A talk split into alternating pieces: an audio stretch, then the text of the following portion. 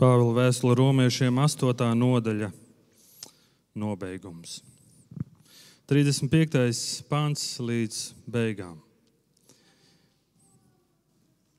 Kas mūs šķirs no Kristus mīlestības?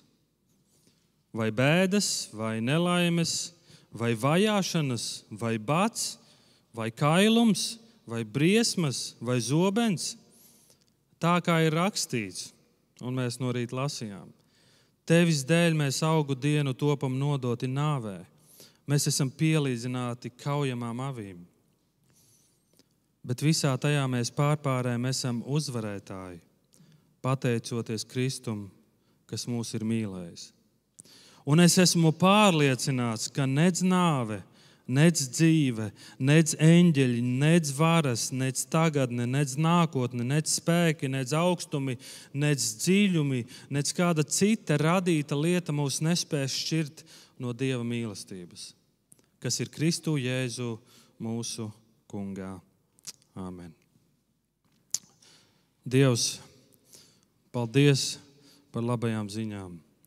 Paldies par evaņģēliju pasludinu to šodien caur Vīlandi un caur daudzām draudzēm, kur šodien tiek sludināts tavs vārds. Āmen. Sēdieties, lūdzu.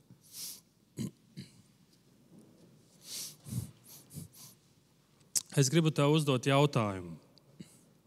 Un eh, es, es gribētu, lai tu arī no vietas arī atbildi. Jautājums ir ļoti vienkāršs Un tā ir arī mūsu šodienas dievkalpojuma tēma. Ir, ko tu par to saki? Šeit uz ekrāna būs kāda bilde, kāda glezna. Kāda glezna. Jūs esat redzējuši šo gleznu kādreiz? Jā.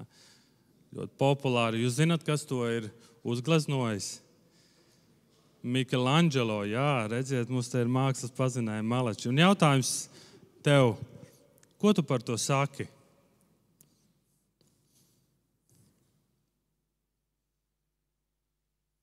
Ko tu par to domā? Ko tu šeit ieraugi? Jūs droši drīkst teikt.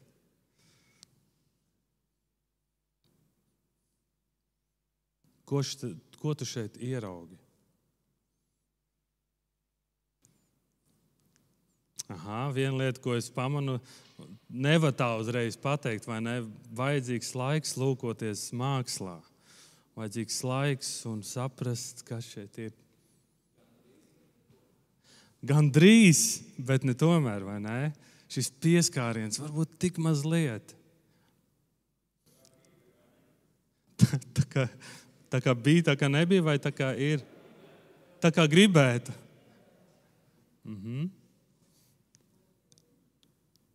Šis mākslas darba nosaukums ir Ādama radīšana.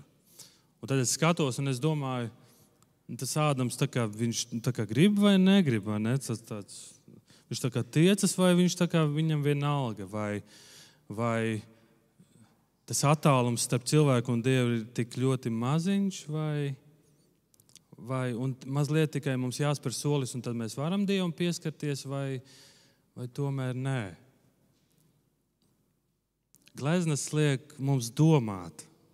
Un tāpēc māksla ir kaut kas tāds, kas, kas prasa uzmanību, kas prasa laiku ielūkoties. Un, Un bieži vien ir šis jautājums, ko tu redzi, kādus secinājumus tu vari izdarīt. Kādus secinājumus tu vari izdarīt? Jau vairākus mēnešus mēs esam skatījušies uz kādu citu mākslas darbu. Un tā ir vēstule romiešiem. Tas ir Pāvila mākslas darbs. Un Pāvils mēģina zīmēt tādu gleznu, viņš mēģina zīmēt tādu attēlu jau no pirmās nodaļas.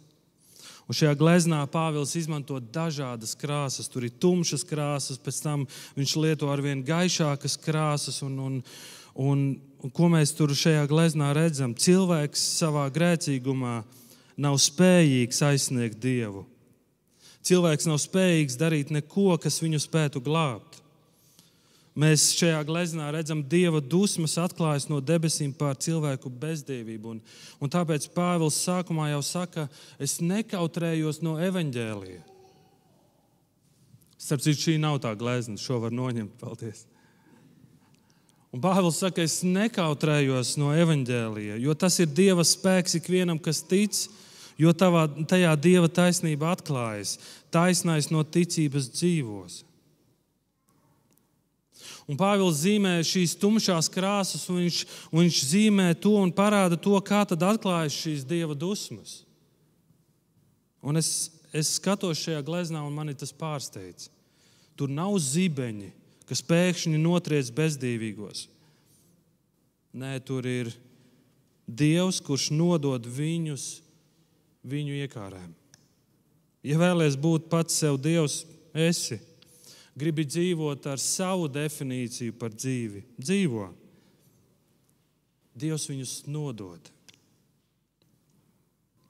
Bet pat, šī dieva dusma, pat šīs dieva dusmas pār bezdievi ir iespēja, cerība, ka varbūt viņš ieraudzīs kādā bedrē, viņš atrodas un viņš ieraudzīs vajadzību pēc glābēja. Bet likums nespēja glābt, darbi nespēja glābt. Pāvils zīmē šos cilvēku pūliņus, kā aizsniegt Dievu, varbūt vēl mazliet, varbūt vēl viens darbiņš, bet viņi to nespēja. Romiešiem trešā nodaļa, bet tagad neatkarīgi no bauslības ir atklājusies Dieva taisnība, par ko liecina bauslība un pravieši, ka Dieva taisnība ticībā uz Jēzu Kristu ir visiem, kas tic. Ir visiem, kas tic. Pāvils zīmē šo gleznu un parāda, ka Jēzus ir šī perfektā ilustrācija tam, kā dzīvot gara piepildītu dzīvi. Mēs reiz bijām Dieva ienaidnieki, bet caur Jēzu mēs šī plaisa ir aizpildīta. Un nu ir iestājies miers ar Dievu. Grēkam vairs nav varas pār mums. Mēs neesam vairs miesai parādā. Ir jauna dzīve, mēs kalpojam garā, mēs kalpojam Dievam, mēs esam taisnības kalpi. Un tad Pāvils zīmē šo dzīvi garā, romiešiem 8. nodaļa. Šī skaistā nodaļa. Un mēs esam tik daudz lūkojušies, ko dara svētais gars, kas ir svētā gara darbs. Un, kad tu skaties uz šo gleznu, un vairāku mēnešu garumā mēs esam lūkojušies, Jautājums ir, ko tu par to saki? Kas ir tavs secinājums, ko tu izdari?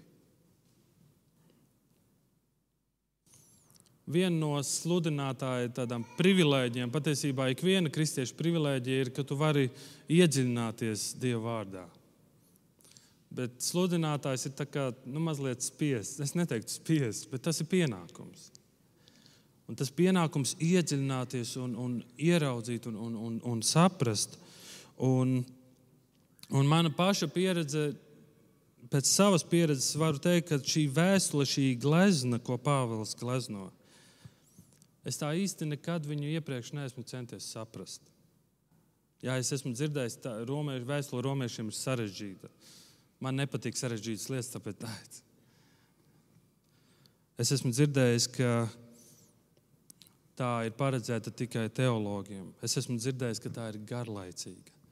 Es biju dzirdējis. Es daudz ko biju dzirdējis par uh, Parī, Parīzes mākslas muzeju, Louvru. Bet līdz brīdim, kad tu pats ieej šajā muzejā un pats ieraugi un pats paskaties uz gleznu, pats apsēdies un, un tad tu pamani vienu lietu, kas mainās. Tu pamani, kad tu gribi vairāk uzzināt par to.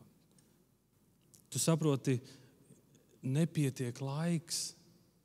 Vajag vēl laiku, vai ne? Es gribētu vēl laiku pavadīt šeit.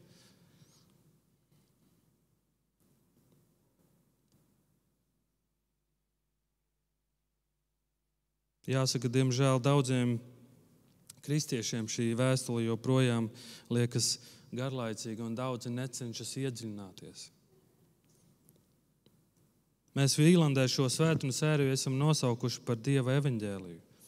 Un vēstule romiešiem ir Dieva evaņģēlijs. Ko tu saki par evaņģēliju? Kas ir tavs secinājums? Ja tev kāds jautātu, kas ir evaņģēlijs, ko tu teiktu? Ko tu saki par to, kas ir labās ziņas? Un tāpēc romiešiem 31. nodaļā Pāvils sāk ar tādu jautājumu: Ko lai mēs par to sakām? Viņš ir zīmējis šo attēlu, šo gleznu, un viņš saka, ko lai mēs par to sakām? Ko lai mēs no tā izsecinām? Pāvils uzdod retorisku jautājumu. Un patiesībā šie panti, ko mēs lasām, ir tāds Pāvila secinājums. Spēcīgs secinājums. Un mēs jau iepriekšējā svētdienā ar mācītāju ģirtu esam sākuši skatīties šajā skaistajā secinājumā. Ja Dievs ir par mums, kas būs pret mums? Es aicinu tevi šajā brīdī aizvērt acis. Aizver acis aizver acis, un es gribu, lai tu padomā par šiem vārdiem. Dievs ir par mums. Dievs ir par tevi.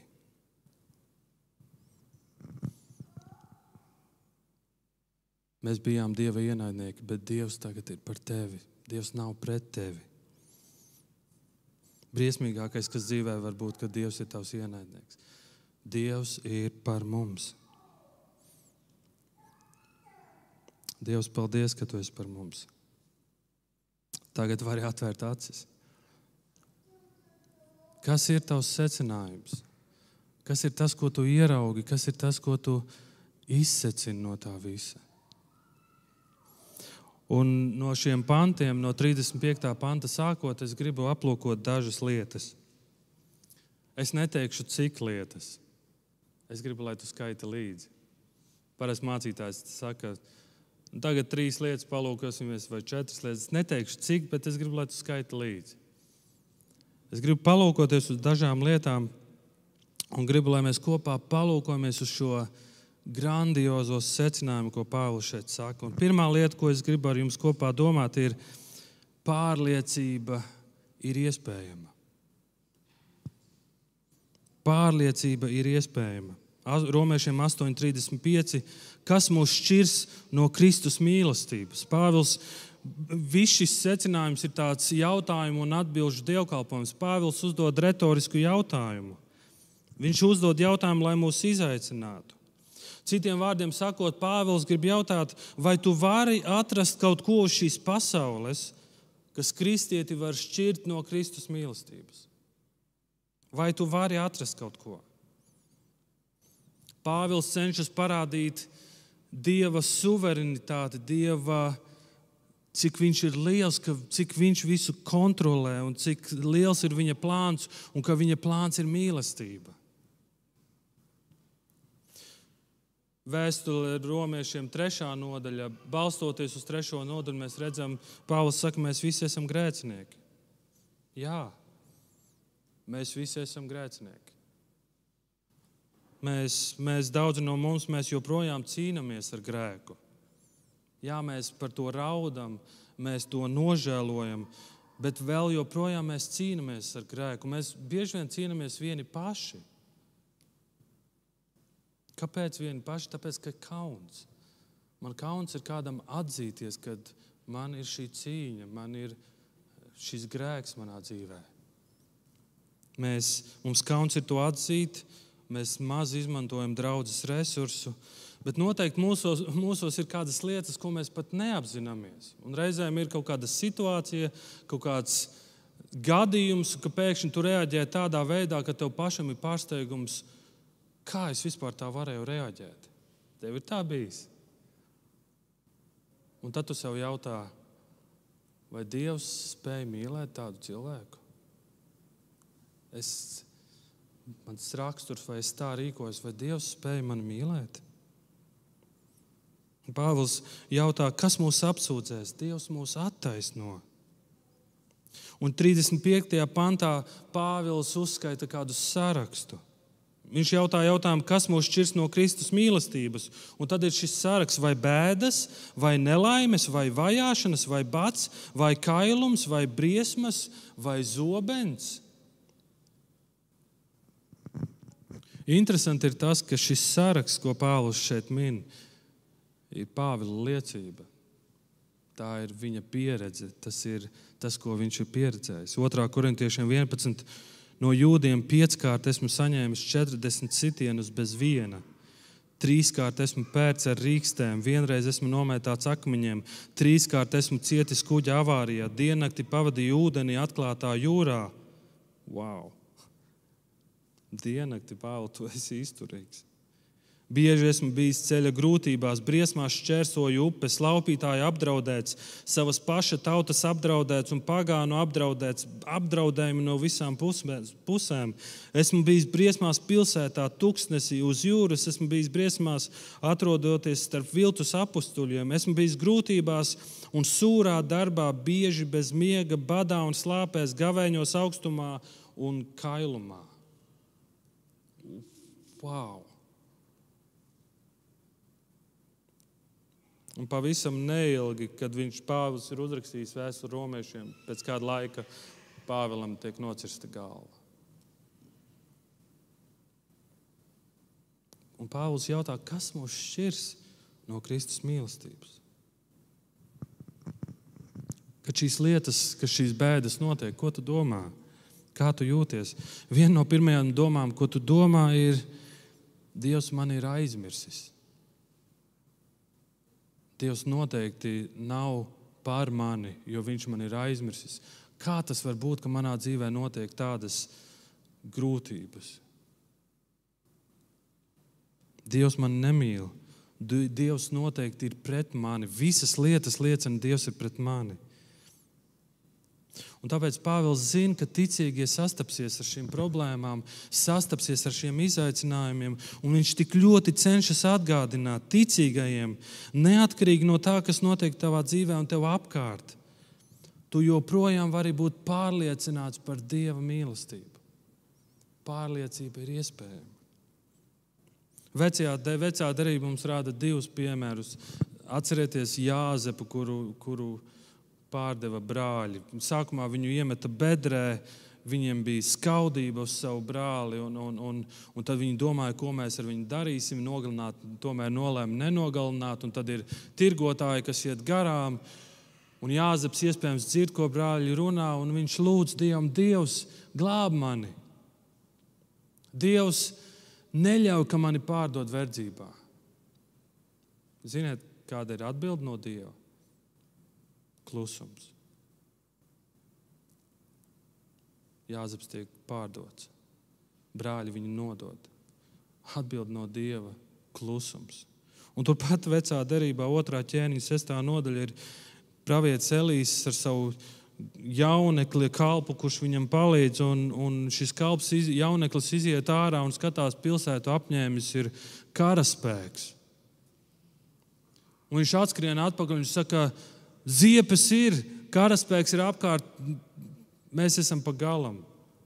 Nelīs saka, lūkšana Dievs atver viņa acis, un, un jauneklis pēkšņi reizē apkārt ir u, karas, vēl lielāks karaspēks, uguņojoši rati.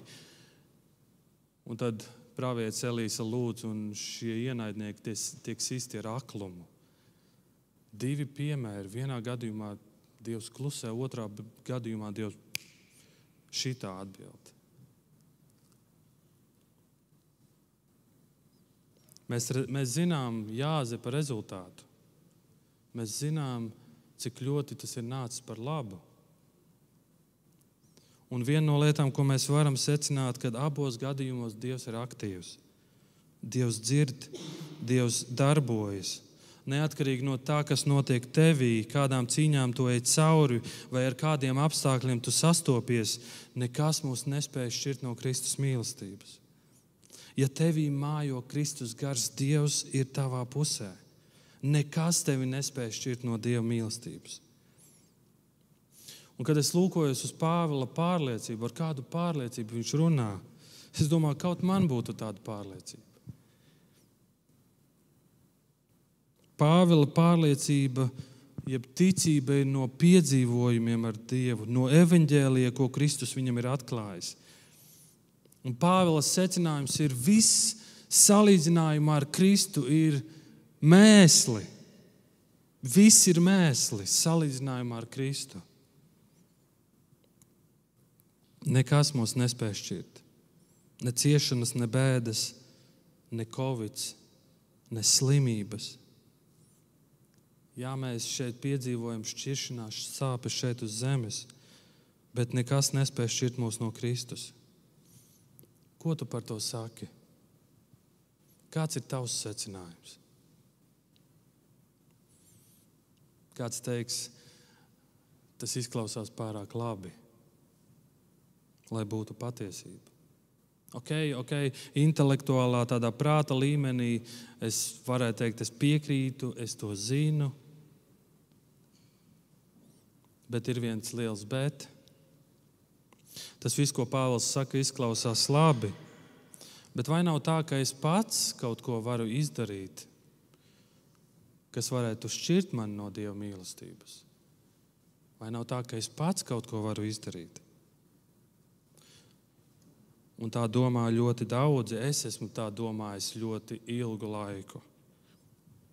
Un ar mani ir tā, vienu dienu es esmu ļoti pārliecināts, es esmu lasījis no rīta Bībeli, dzēris kafiju, lasījis Bībeli, lūdzis Dievu, es emocionāli jūtos. Es izlasīju tik spēcīgu pantu, es jūtos pacelāts, un es jūtos, Dievs ir ar mani. Nekas nespēja mani šķirt no Dieva mīlestības, un nākamajā dienā es esmu manas emocijas ir lejā, es esmu kaut ko sastrādājis, es jūtos slikti, un man liekas, pēkšņi man liekas, man vajag kaut ko izdarīt, lai es šos rīmī punktiņus atgūtu, lai pēkšņi es Dievam atkal patiktu. Tev ir tā bijis? Nē, Un tu redzi, tu sāc uzticēties sev, tu sāc uzticēties darbiem, tu sāc kaut ko pats darīt. Un Pāvils saka, tas nav evaņģēlijs. Tas nav evaņģēlijs. Bet Pāvils saka, nekas mūs nespēj šķirt.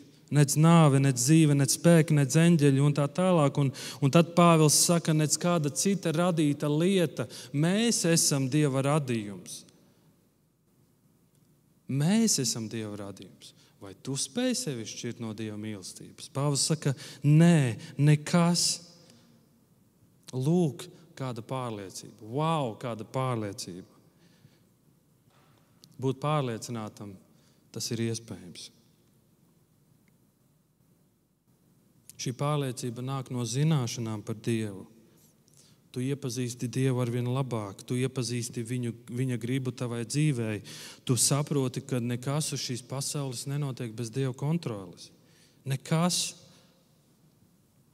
Un šeit jau birst pretargumenti. Es noteikti daudzi varētu man teikt, Raimond, kā, jā, bet kā ir ar brīvo gribu, par mūsu atbildību un kāda ir tā loma un, un argumenti, jautājumi un tie labi jautājumi. Un, ja godīgi, man nav atbildes uz visiem šiem jautājumiem. Man nav atbildes. Bet tas, kam es ticu, ka mūsu lēmumi ietekmē mūsu dzīves. Es ticu, ka mēs esam atbildīgi par mūsu dzīvēm. Bet neatkarīgi no tā, Dievam ir teikšana. Dieva plāns joprojām darbojas pāri visam pat mūsu sliktie lēmumi beigās Dievs sakārto tā, ka tie nāk par labu. Atceros, Markus vienā no iepriekšējām svētdienām minēja faktu par to, ka pat grēks beigās nāk par labu tiem, kas viņu mīl. Ko? Nekas. Pāvils saka, es esmu pārliecināts, ka Dievs visas lietas pakārto pēc sava plāna, kā Viņš to vēlas. Viņš virza lietas, kā Viņš to ir ieplānojis. Bet Viņš nedara to par spīti mūsu lēmumiem un sekām, bet caur mūsu lēmumiem, caur mūsu dzīvēm, caur mūsu sekām. Visas lietas nāk par labu. Ko tu par to domā? Kāds ir tavs secinājums? Ir cilvēki, kas dzīvo ar domu, ka viss ir nejaušība. Atceros, ka tikko bijām apprecējušies. Mums bija tāds mazs studiju tipa dzīvoklīts, ļoti foršs dzīvoklīts, bet mums nebija divāns. Un mums notika mazās grupiņas pie mums dzīvoklītī, visi sēdēja uz grīdas. Un, un tad es savai sievai saku, klausies, kā, man liekas, mums jāpaņem divāns uz kredīta. Man sieva saka, kā, man liekas, mēs varētu lūgt. es saku, ah, protams, lūdzam. Un mēs lūdzam, un paiet dažas dienas. Tā nav noticis katru reizi. Ja? Paiet dažas dienas, un man zvana draugs un uzdod ļoti lakonisku jautājumu. Dīvānu vajag? Jā, vajag. Labi, būs pasaki adresi. Pieved, caur ķīmisko tīrītavu izvest un pilnīgi kā jauns. Vēl labāks nekā es būtu ņēmis kredītā. Vai tā bija nejaušība? Kāds teiks, jā, tā bija sagadīšanās, tā bija nejaušība. Kad tev pietrūks 200 eiro siltumsūknim, un pēkšņi tev kāds uzvana un saka, es tev gribu palīdzēt ar 200 eiro. Tā bija nejaušība. Vai tomēr Dievs visu kontrolē? Tad, kad paskaties dabā, kāda viss ir radīts, kā Dievs visu ir radījis, tu saproti, Dievs visu kontrolē. Kas spēs mani atturēt no Kristus mīlestības? Instagramā reiz kāds ielika, manuprāt, ļoti labu rakstu. Ieklausies, es lasīšu, citēšu. Tas ir eh, par 11. septembri, ko izdzīvojušie ir teikuši, ir secinājuši. Viens no lielāko kompāniju vadītājiem 11. septembra uzbrukumā ASV izdzīvoja tikai tāpēc, ka veda savu dēlu pirmo reizi uz bērnu dārzu. Cits jauns cilvēks izdzīvoja, jo bija pienākusi viņa kārta aiziet pēc pončikiem. Viena sieviete nokavēja darbu, jo modinātājs nenozvanīja laikā. Kāds nokavēja, jo iesprūda korķī uz autošosēs, kādam neatnāca autobuss. Viena sieviete aplējās ar kafiju, un viņai vajadzēja mājās patērēt laiku, lai pārģērbtos. Kādam vīrietim tajā rītā nepieleca auto, bet kāds atgriezās, lai atbildētu uz telefona zvanu.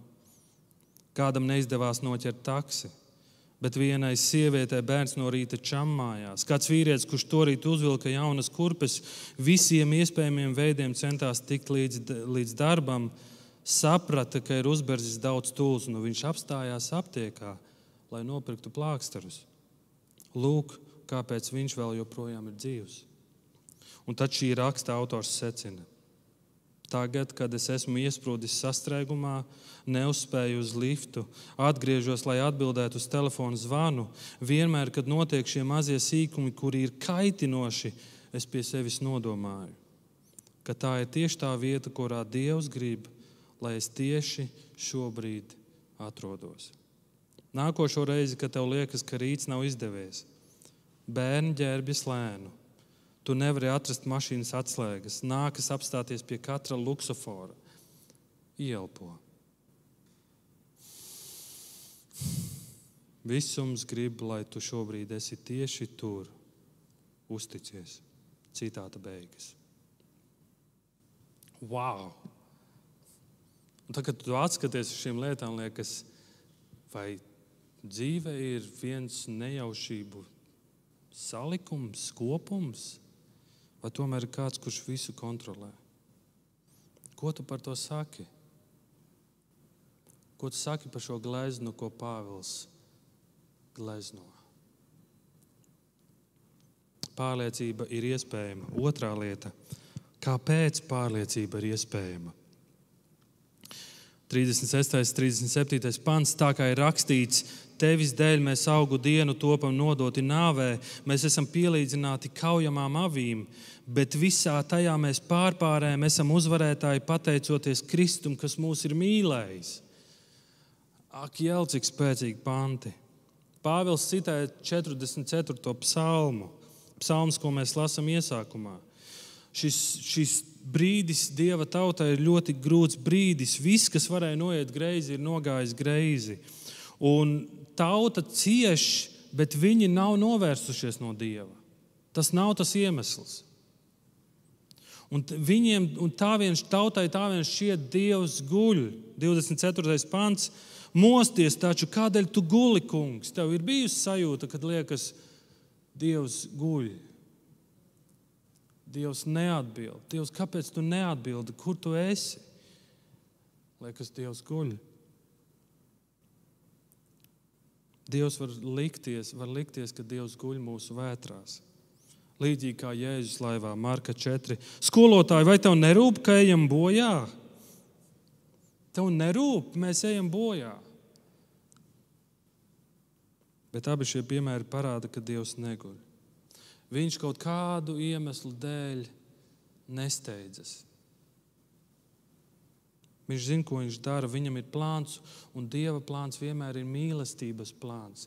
Dieva plāns vienmēr ir mīlestības plāns. Un Pāvils saka 37. pantā, bet visā tajā mēs pārpārējām, esam uzvarētāji.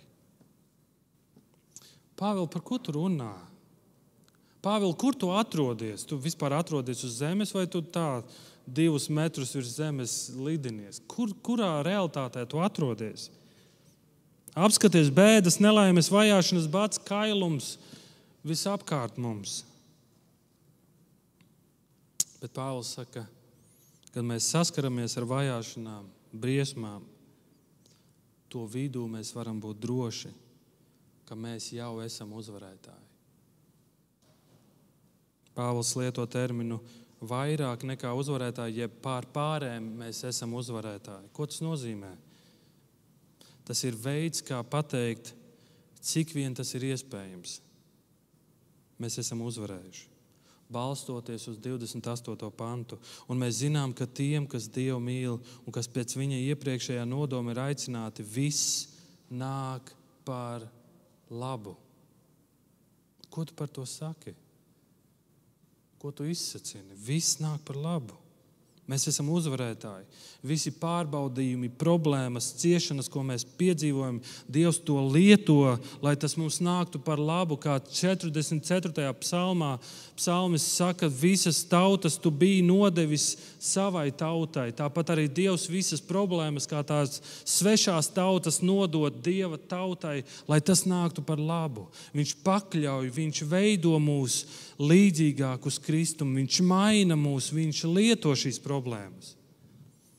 Viss nāk par labu. Un līdz ar to Pāvils saka, mēs esam pār pārējiem uzvarētāji. Kāpēc? Un tad viņš nobeidz pateicoties Kristum, kas mūs ir mīlējis. Kāpēc pārliecība ir iespējama? Jo Viņš mūs ir mīlējis. Viņš mani joprojām mīl.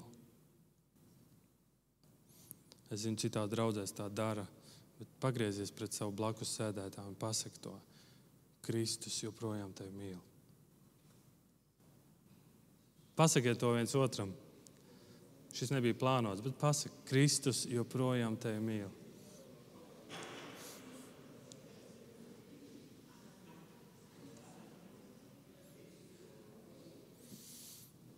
Mums jāmācās šo vairāk atgādināt. Kristus Nekas mūs nespēj šķirt. Kristus joprojām tevi mīl. Piektā mūsu grāmata, septītajā nodaļā, ieklausies šajos vārdos. Kungs jūs ir iemīlējis un izvēlējies ne tādēļ, ka jūsu būtu vairāk par citām tautām. Jūs esat mazākā no visām tautām, bet gan tādēļ, ka. Kā tu domā, kas seko? Bet gan tādēļ, ka Kungs jūs mīl. Es atceros vienu rītu, tas bija pirms kāda laika. Es, mēs pamostamies. Es pamostos un es pagriežos pret savu sievu, un, un viņa uz mani skatās ar tādām mirdzošām acīm. Es jūtu, viņai, viņa kaut ko grib jautāt.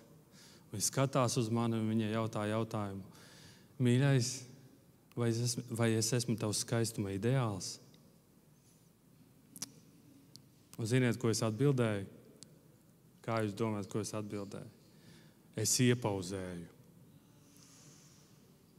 Auč! Es, es iepauzēju, es, es iepauzēju, un es sāku kaut ko domāt, un kaut kādas gudrās lietas teikt, un es skatos, viņas acu skatiens pēkšņi ir pārsteigums. Viņa ir vīlusies, un viņa pat vairs neklausās, ko es tur saku. Protams, tu esi mans skaistuma ideāls.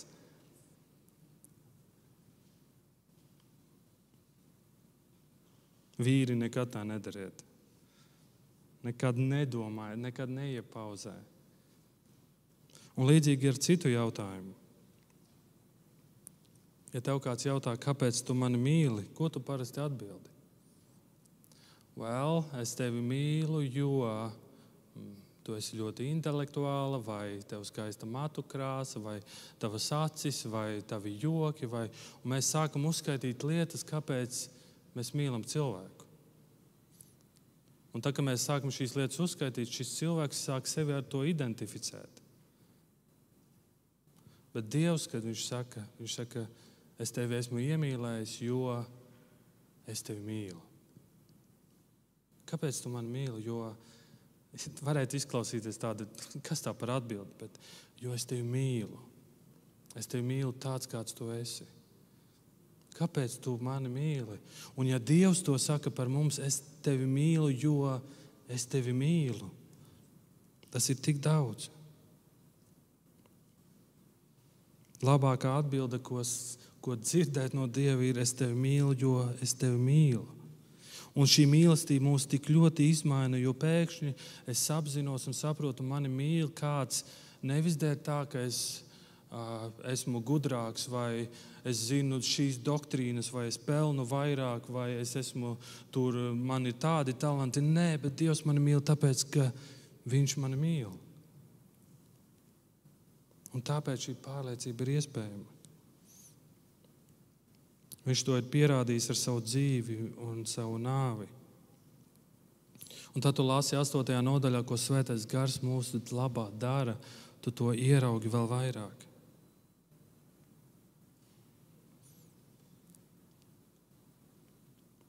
Un trešā lieta - kā, kā pārliecība var būt iespējama?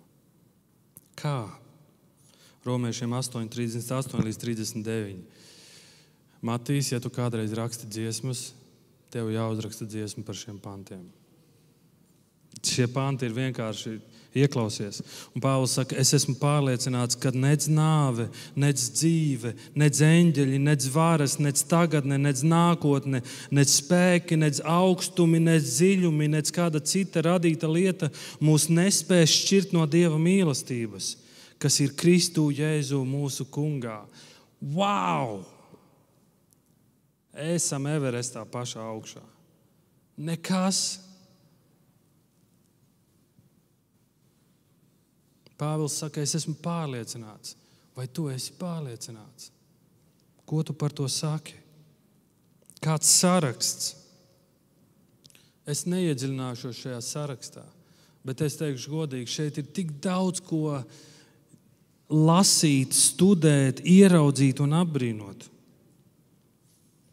Bet vai tu zini, kas notika ģēdzimenes dārzā un kas notika pie krusta? Visi pasaules spēki vērsās pret Kristu. Un zini, ko Kristus to visu varēja apturēt? Viņš varēja apturēt no, noliekšanu, viņš varēja apturēt ciešanas, mocīšanu, nodošanu, viņš varēja apturēt nāvi, viņš to varēja apturēt.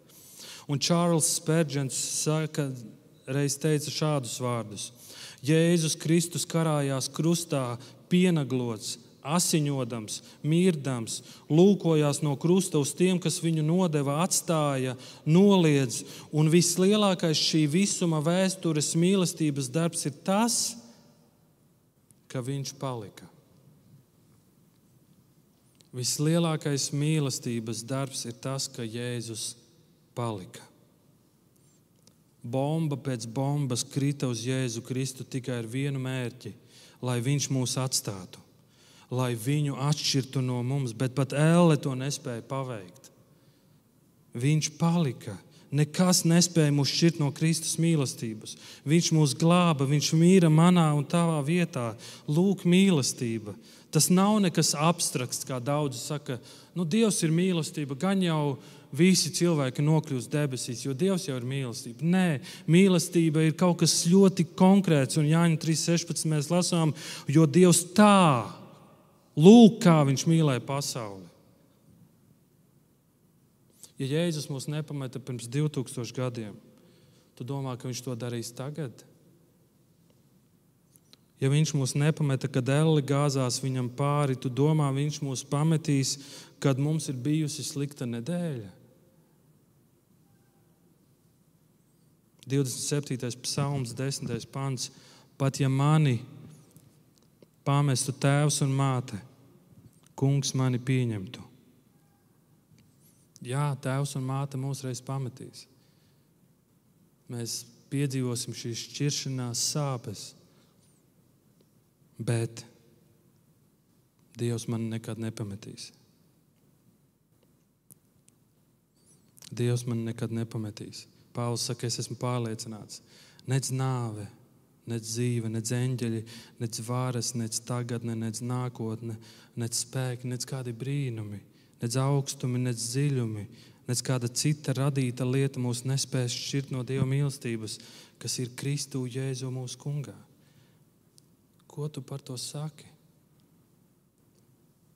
Ko tu par to saki?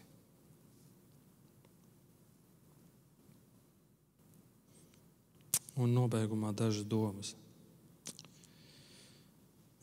Kāds varētu jautāt, es esmu dzirdējis, kāds jautā un saka, ko tas dod, ka tev ir pārliecība? Kāda atšķirība? Es nesen lidoju ar lidmašīnu, es, es par to tieši domāju. Kāda atšķirība, ja tu iekāp lidmašīnā pārliecināts, ka lidmašīna tevi aizvedīs, vai nepārliecināts? Tik un tā aizvedīs, vai ne? pārliecināts vai nepārliecināts, bet lidmašīna tevi aizvedīs. Bet ir dažādi cilvēki, un es esmu dzirdējis, ka cilvēki saka, es esmu sastapies ar cilvēkiem, kuri saka, es esmu pārliecināts, ka es nokļūšu ellē. Cilvēki tā saka, es esmu pārliecināts, ka es nokļūšu ellē. Es skatos uz savu dzīvi, es pilnīgi saprotu tas, kā es dzīvoju. Cilvēks saka, pf, man tikai elle. Un cilvēki vēl pasmējas, ka tur būs siltāk. Un tad ir kādi cilvēki, kas netic Kristum un saka, es ceru, ka tomēr es nokļūšu tur augšā. Tie nepārliecinātie. Es ceru, ka tā nebūs elle. Es ceru, ka es nokļūšu tur augšā. Un tad ir ticīgie cilvēki, kuri saka, es ticu, es esmu lasījis, es zinu, Es ticu Kristum, es viņam sekoju. Bet es neesmu pārliecināts. Es nezinu. Es nezinu. Es, es, es, ir dienas, kad es esmu pārliecināts, ir dienas, kad es pilnīgi šaubos. Un tad ir pārliecīgi, un ir ticīgie, kuri saka, ka Pāvils nekas, nekas nespēja mani šķirt. Nekas nespēja mani šķirt pārliecība ir ticība. Un šajā gleznā Pāvils zīmē šo attēlu, viņš saka, no ticības taisnēs dzīvos. Vai pārliecība ir svarīga? Vai ir svarīgi Pāvils mums vispār pievērst uzmanību, vai ir svarīgi mums skatīties šajā gleznā, lai jau tie romieši paliek sarežģītie romieši? Bet zinu, ko ir ļoti svarīgi. Es atceros manas sievas Omi Aidu. Ļoti vienkāršs un ļoti īpašs cilvēks manā dzīvē. Ar viņu vienmēr varēja parunāt. Bet viņas pēdējie dzīves gadi nebija viegli. Viņu piemeklēja smaga slimība. Varēja redzēt mocības. Daudz cilvēku par viņu lūdza Dievu. Cilvēki lūdza pēc dziedināšanas, bet tad bija kādi, kuri atnāca un apgalvoja un teica, ka viņiem ir šīs īpašās spējas dziedināt. Un viņi jautāja, viņi atnāca pie Omas un teica, vai mēs varam par tevi lūgt, vai varam uzlikt rokas. Un, un Oma ļāva, jo viņa ir pieklājīga. Bet viņa arī cerēja, ka varbūt, varbūt kaut kas mainīsies. Varbūt man šī slimība tiks paņemta prom. Bet, kad šiem dziedinātājiem nekas nesanāca, Viņa sāka vainot Omu par to, ka viņai nav ticība. Un tad es atceros, ka viņa ciemojās pie mums, un vienā no sarunām viņa man jautāja, viņa saka, ar tādām rūpēm, viņa saka, Raimond, varbūt viņiem ir taisnība. Varbūt man nav ticība, un es nenonākšu debesīs. Un šīs sarunas laikā es centos viņu iedrošināt. Marta lasīja viņas mīļāko psalmu, un es domāju šajā brīdī, kā es viņai gribētu nolasīt šos pantus, ko Pāvils saka.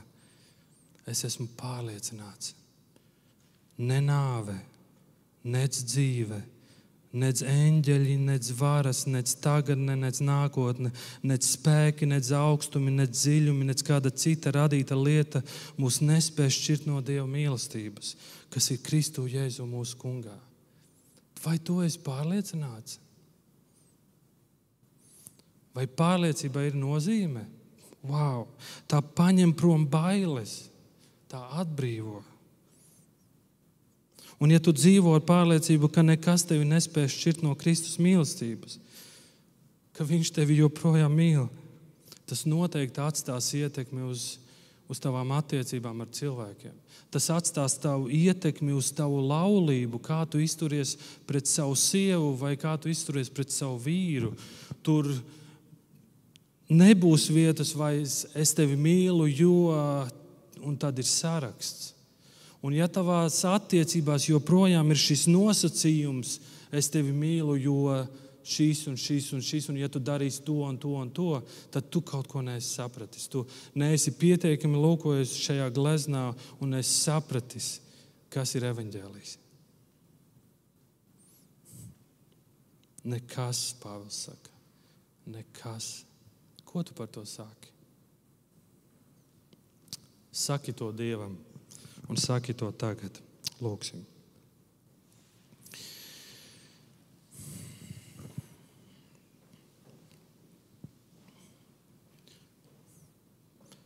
Jēzus Kristu, paldies par to, ka tas, ko tu iesāc, tu pabeidz līdz galam. Paldies, ka tu paliki un paliki manis dēļ palika ciešanās, izturēja mocības, apsmieklus, nāvi manis dēļ. Un paldies, ka tevī mums var būt šī pārliecība. Paldies, ka tu esi ar mums pacietīgs. Un es ļoti lūdzu, palīdzi, kad mūsos veidojas, mēs spējam ieraudzīt ar vien vairāk un iepazīt tevi, lūkoties tavos rakstos, iedrošināt viens otru šeit draudzē, ka mēs varam redzēt, ka nekas, nekas, nekas. Palīdz mums nepaļauties uz saviem darbiem, uz saviem pūliņiem, bet tikai uz tavu žēlstību, Jēzu. Svēti lūdzu mūs un palīdz mums būt palīdz satvert evaņģēliju un palīdz būt drosmīgiem ar šīm tik ļoti labajām ziņām, iet un dalīties ar citiem.